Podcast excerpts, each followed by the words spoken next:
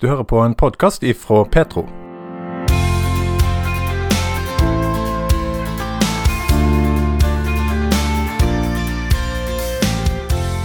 Vi blir påvirka av de vi har rundt oss, og måten vi blir speila av andre, gjør noe med oss.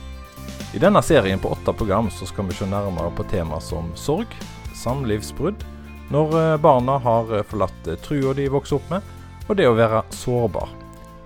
I denne episoden så skal det handle om når livet ikke ble som planlagt. For vi mennesker vi er flinke til å planlegge, både hverdagen, men òg utdanning, familieliv og jobb. Men ofte så går det ikke sånn som vi har planlagt. Hva skjer med livet vårt når vi mister jobben? Eller at vi sjøl opplever sykdom eller i familien? Diakon og seniorrådgiver i lederutviklingsbyrået Aspire, Terje Stig Knutsen, møter mange mennesker som opplever at livet ikke blir sånn som en hadde planlagt. Jeg, jeg, jeg, ser den, jeg ser den f.eks. når jeg er med på prosesser hvor man må nedbemanne, folk må slutte. Jeg ser når eh, folk må skilles, eh, og jeg ser den når folk blir degradert og får ikke den jobben som de hadde ønsket seg. Eh, og så tenker jeg, da er vi igjen tilbake til det der med å lage noe sånn rom for muligheten for å være sårbare. eh, ha muligheten til å stille spørsmål som går på Ja, hvordan har du det? Eh, jeg har sjøl vært igjennom en krise for en del år siden. Eh, noe av det mest fantastiske da var at noen sa Men vet du hva, Terje? Nå overtar vi litt av dine arbeidsoppgaver. For nå klarer ikke du å være 110% Og bare den derre imøtekommenheten Jeg var sjef, men medarbeidere sa til meg Du, nå overtar vi litt fra deg, for nå har du mer enn nok. Og det tenker jeg, det å være lydhør og observant overfor folk som står i sånne kriser. For livet blir ikke alltid slik som vi har planlagt. Og da tenker jeg det, det er ganske viktig. Og det er noe som, selv om dette skjedde for 20 år siden, så husker jeg det fortsatt i dag. Um, og det tenker jeg det, det kan vi gjøre alle sammen. Hver eneste dag. Ha de der øynene litt åpne. Tørre å stille spørsmålene. Uh, og så får vi være litt sånn åpne for hva slags svar som kommer. Og om det kanskje blir litt vanskelig for meg, men tørre å stå der. Jeg hørte en lege sa at uh, han hadde pasienter inne som uh, var sykemeldt, og han hadde et fokus på at, å si til dem at ja, nå er du 100% du gjør 100% OK, det er 70% av det du gjorde før, men, men du gjør 100% Det er det som er din 100 %-nivå nå. Og det, det, å ikke legge for mye ansvar på seg sjøl, men òg å hjelpe seg sjøl i en sånn situasjon uh, når livet er vanskelig. Og Kjenner du igjen i det? Ja, til de grader. Og jeg, jeg tenker at det, det, der er veldig klokt. Eh, nemlig å tenke at vet du hva, nå en periode framover, enten det er sykdom, skilsmisse, eh, jeg har mista jobben eller hva det er, å kunne si at vet du hva, 100% det er nå. Men egentlig er det bare 70% av det jeg vanligvis pleier å få til. Men men at det er bra nok en periode. Uh, det, men, men, det er litt viktig at man i, i fellesskapet rundt en, da, at det er aksept for at slik er det.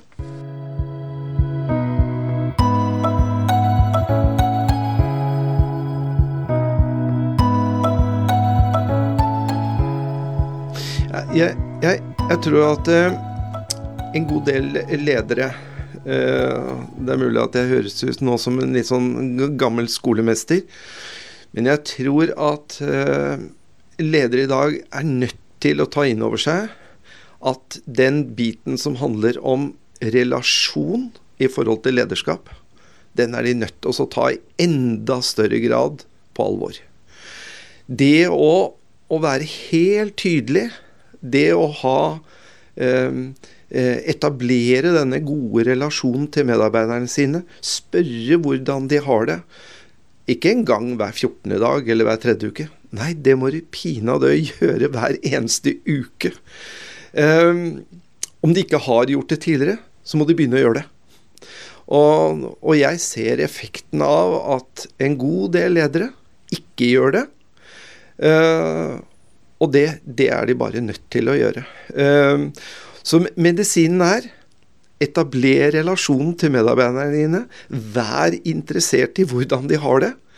Utvikl denne relasjonen enda mer. Uh, og det, det tror jeg er en fantastisk medisin. Og jeg har, har sett at det virker. Uh, så gjør enda mer av det som virker. Men vi er jo veldig forskjellige som mennesker, da, og vi er jo forskjellige som sjefer òg. Eh, og så er det jo ikke bare én ting som kan påvirke. Det er mange ting. Du var innom dette med samliv, familie. Eh, vi har eh, tidligere snakket om, eh, om, sorg i forbindelse med sykdom og død. Altså Det er mange ting som påvirker livet vårt, og, og så skal sjefen da sitte der og bry seg i en sånn situasjon. Er, er sjefene i Norge i stand til dette her? jo, jeg, jeg, håper jo det. Eh, men det, det det handler kanskje ikke bare om sjefene også. For, for, for, noen så må vi jo si det at det, det er jo noen som syns det har vært aldeles strålende å sitte på hjemmekontor. Og syns det har vært så flott. Men jeg tenker at også medarbeidere seg imellom det går an å finne på ting. Det går an å gå på tur sammen. Det går an å finne på kjekke ting. Selv om man kan klare å holde meteren. Ehm, men, men jeg tenker at ehm, ledere i dag, de det er, det er, mer krevende å være leder i dag enn uh, når jeg sjøl var leder for, uh, for, mange år siden. Så det å få til denne, denne gjensidigheten i, i relasjonsbyggingen ja, hører at det er jeg veldig opptatt av. Og det, jeg tror at det er en veldig god medisin. Altså. Det å bry seg oppriktig med de folka man er satt til å lede, det tror jeg er er helt avgjørende.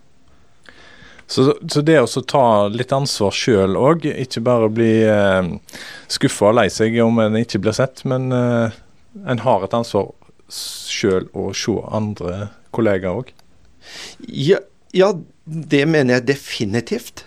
Og jeg tenker at uh, det er også en sånt lite spark til medarbeidere. Altså, Det går an å stille spørsmålet også til han eller hun som er leder, og si ja, hvordan har du da? Ja, så det jeg vil fram til, det er at det er en gjensidighet i dette. Uh, så det ikke bare går fra leder til medarbeider. Men også kan være tøff for en leder å sitte der ganske mye aleine og spørre ja, hvordan har du da? Men hvis jeg skal svare på det, hvordan har jeg det i dag, så, så kan jo jeg gi svar at jo, det går helt supert. Uh, og så er vi ferdig med den samtalen der. Eller Pga. kanskje at en, en, føler at jo, livet er egentlig greit. Jeg har ikke de store tingene å klage over. Pga. at jeg vet at andre har det mye kjipere enn meg. Men så er det andre igjen som har Takk for at du spurte om det. Nå har jeg virkelig behov for å si, og så sitter du der og lurer kanskje av og til på at hallo, dette er jo ikke noe å klage over. Det, sånn er livet. Så vi er veldig forskjellige som mennesker. Så, så litt av der, hvor går disse grensene på, på, når vi skal bry oss? For du kan jo brenne deg når du bryr deg òg? Ja, det er klart du kan det. Men, men, jeg tenker at Jo, men kan ikke du, når du stiller det spørsmålet, så, så hør nå på svaret, da. og, så, og, så, kan vi se hva som, som, skjer ut av det. Så kan det være at uh, sjefen din sier Vet du hva, tusen takk for at du spurte. Um, og så går det an å vente på neste svar. Eh, så kan du jo spørre eh, skal vi ta en prat. Så kan du få svar ja, nei. Eh, men det var kjekt at du spurte. Så det, det handler om den derre å gidde å bry seg, altså. Ja. Og det tenker jeg, det er som du sa, dette går begge veier. Opp og ned og på siden.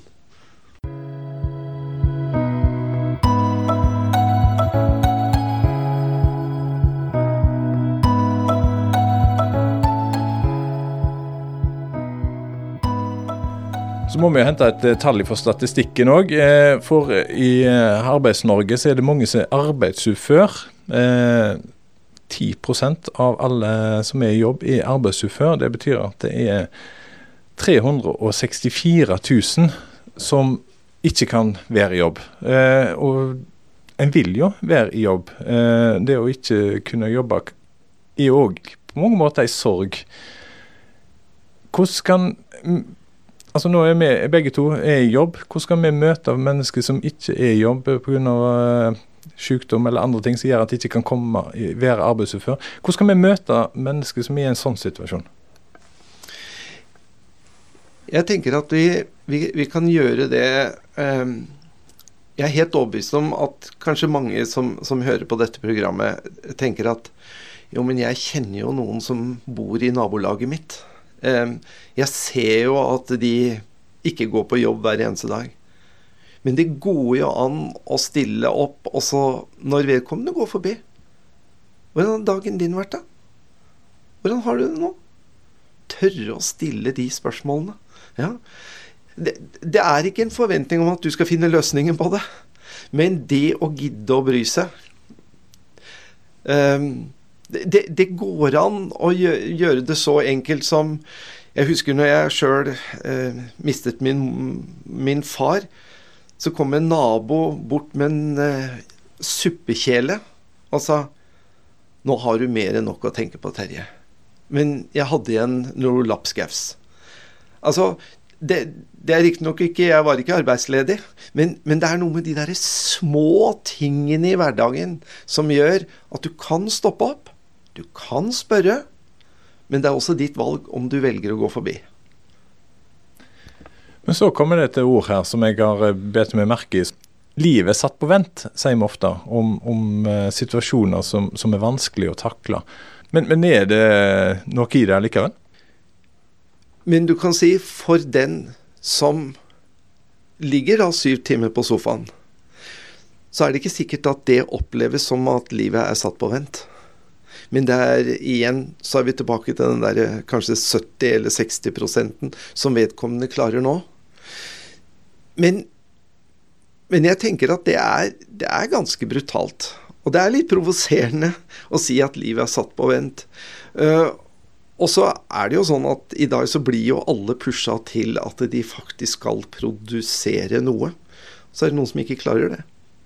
Men jeg, jeg tenker at um, også for min egen del så, så, har kanskje livet vært satt på vent noen ganger i løpet av et langt liv. Men så tenker jeg at jeg har også et sånt eget ansvar oppi det å tenke Ja, hvis livet mitt nå ikke skulle fortsette å være på vent. Hva skulle mitt bidrag være? Hva kan jeg gjøre? Hva kan jeg sammen med mine nærmeste være med på å gjøre for at det ikke skal fortsette å være på vent? Så kan godt svaret være at det, ja, det kommer det til å være i lang tid framover.